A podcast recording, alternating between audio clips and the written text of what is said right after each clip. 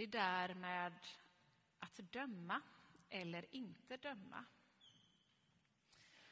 Vid en första läsning av dagens evangelietext om att missa bjälken i sitt eget öga för att man är alltför upptagen av flisan i sin broders öga. Vi läser det nog och tänker det som något självklart och enkelt. Enkelt så tillvida att jag tror att de flesta håller med om det. Det här är ingenting som vi ryggar till inför, utan vi håller med om det. Vi ska inte hålla på och döma varandra. Samtidigt är det förstås inte så enkelt alla gånger att leva upp till det i praktiken. För visst dömer vi, både oss själva och varandra.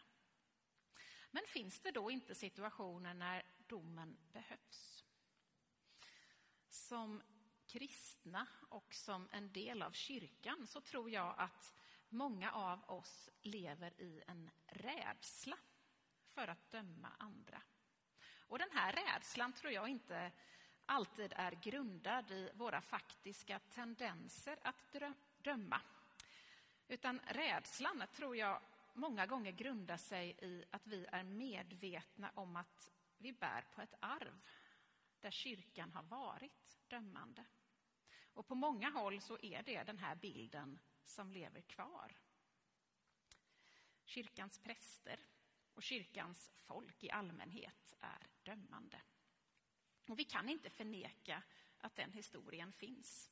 Kyrkan har försökt vara moralens väktare och därigenom dömt människor för såväl brott och snedsteg som sånt som vi inte skulle klassa som brott idag utan kanske snarare handlar om att människor har brutit mot normer i samhället. Och att kyrkan agerat dömande är ingenting som vi kan bortse från. Och den här, det här med att kyrkan har dömt människor, det har lämnat sår som ibland inte har läkt på flera generationer. I vissa fall går det heller inte så långt tillbaka i tiden. Vi kan inte heller blunda för att det här sker också idag.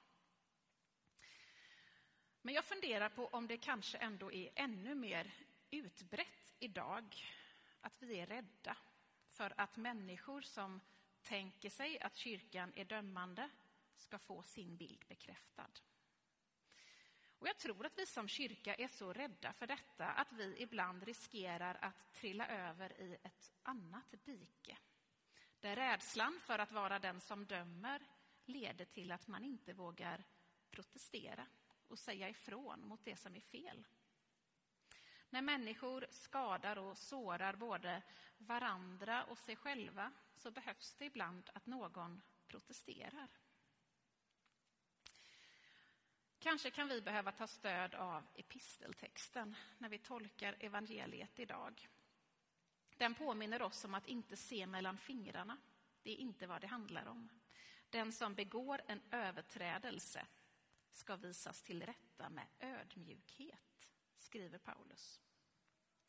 Men här är det något inom mig som protesterar. För jag ser framför mig hur någon tillrättavisar på ett dömande sätt men med ett milt leende i ansiktet. En kanske falsk ödmjukhet som på något sätt ska försöka maskera och försvara det dömande tillrättavisandet. Och jag tror att kyrkan har en del erfarenhet av detta. Och då tänker jag inte bara på Fässbergs församling eller Svenska kyrkan utan kyrkan över hela jorden kyrkans företrädare, alla vi som är kyrka, både officiella och inofficiella, som menar väl, som vill det bästa, men ändå blir det ibland fel. För bakom det milda tillrättavisandet så finns det ibland ett dömande. Ödmjukheten når liksom inte hela vägen. Den finns kanske ibland bara på ytan och når inte in på djupet. Här blir återigen bilden av flisan och bjälken viktiga. Varför ser du flisan i din broders öga när du inte märker bjälken i ditt eget. Jag har så mycket lättare att se det hos andra än mig själv. Jag hör andra linda in kränkningar och domsord i vackra formuleringar. De märker det kanske inte själva, men när jag hör det så känner jag mig förminskad. Jag känner mig dömd. Och om andra oavsiktligt kan framkalla detta hos mig så kan säkert jag på samma sätt framkalla det hos andra, även om det inte är min mening. Och jag tror att rädslan för att oavsiktligt döma någon kan göra att vi ibland fegar ur och inte vågar säga ifrån, protestera eller ifrågasätta.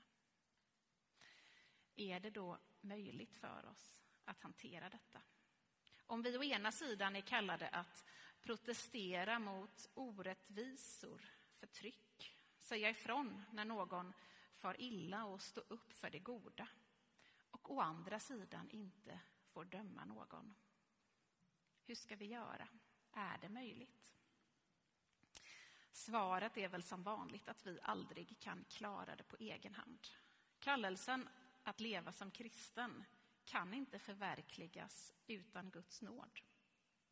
När vi lever i den här nåden så får vi be om ödmjukhet och lyhördhet.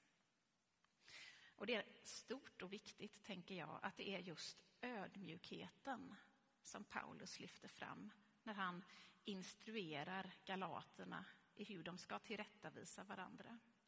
Han skriver inte att de ska tillrättavisa i en vänlig ton eller på ett snällt sätt. Han använder just begreppet ödmjukhet. Man kan vara både skarp, sträng och hård och samtidigt ödmjuk. På samma sätt som man kan vara mild och vän och samtidigt ödmjuk. Ödmjukheten ligger inte i tonfallet utan i medvetenheten om att det kan finnas fler sätt att se på saken än mitt sätt. En medvetenhet om att trots alla mina goda avsikter så kan det som jag säger landa fel hos mottagaren. Ingen av oss äger hela sanningen och därför måste vi vara beredda på att vi kan ha fel. Vårt perspektiv är inte det enda. När vi möter orättvisor, förtryck, våld och kränkningar, det som är fel, så kan vi välja att rycka på axlarna med föresatsen att vi inte ska döma. Men vi kan också välja att säga ifrån. Inte för att döma, utan för att stå upp för det goda, försvara det goda. Och i ödmjukhet så får vi då också vända oss mot oss själva. Plocka bort den där bjälken ur det ena ögat. Så att vi förhoppningsvis kan se klart och kan hjälpa vår broder med flisan. Det blir fel ibland, men genom att i ödmjukhet försöka ställa allting till rätta kan vi hjälpas åt att korrigera våra felsteg och vända det som är dåligt till något bra.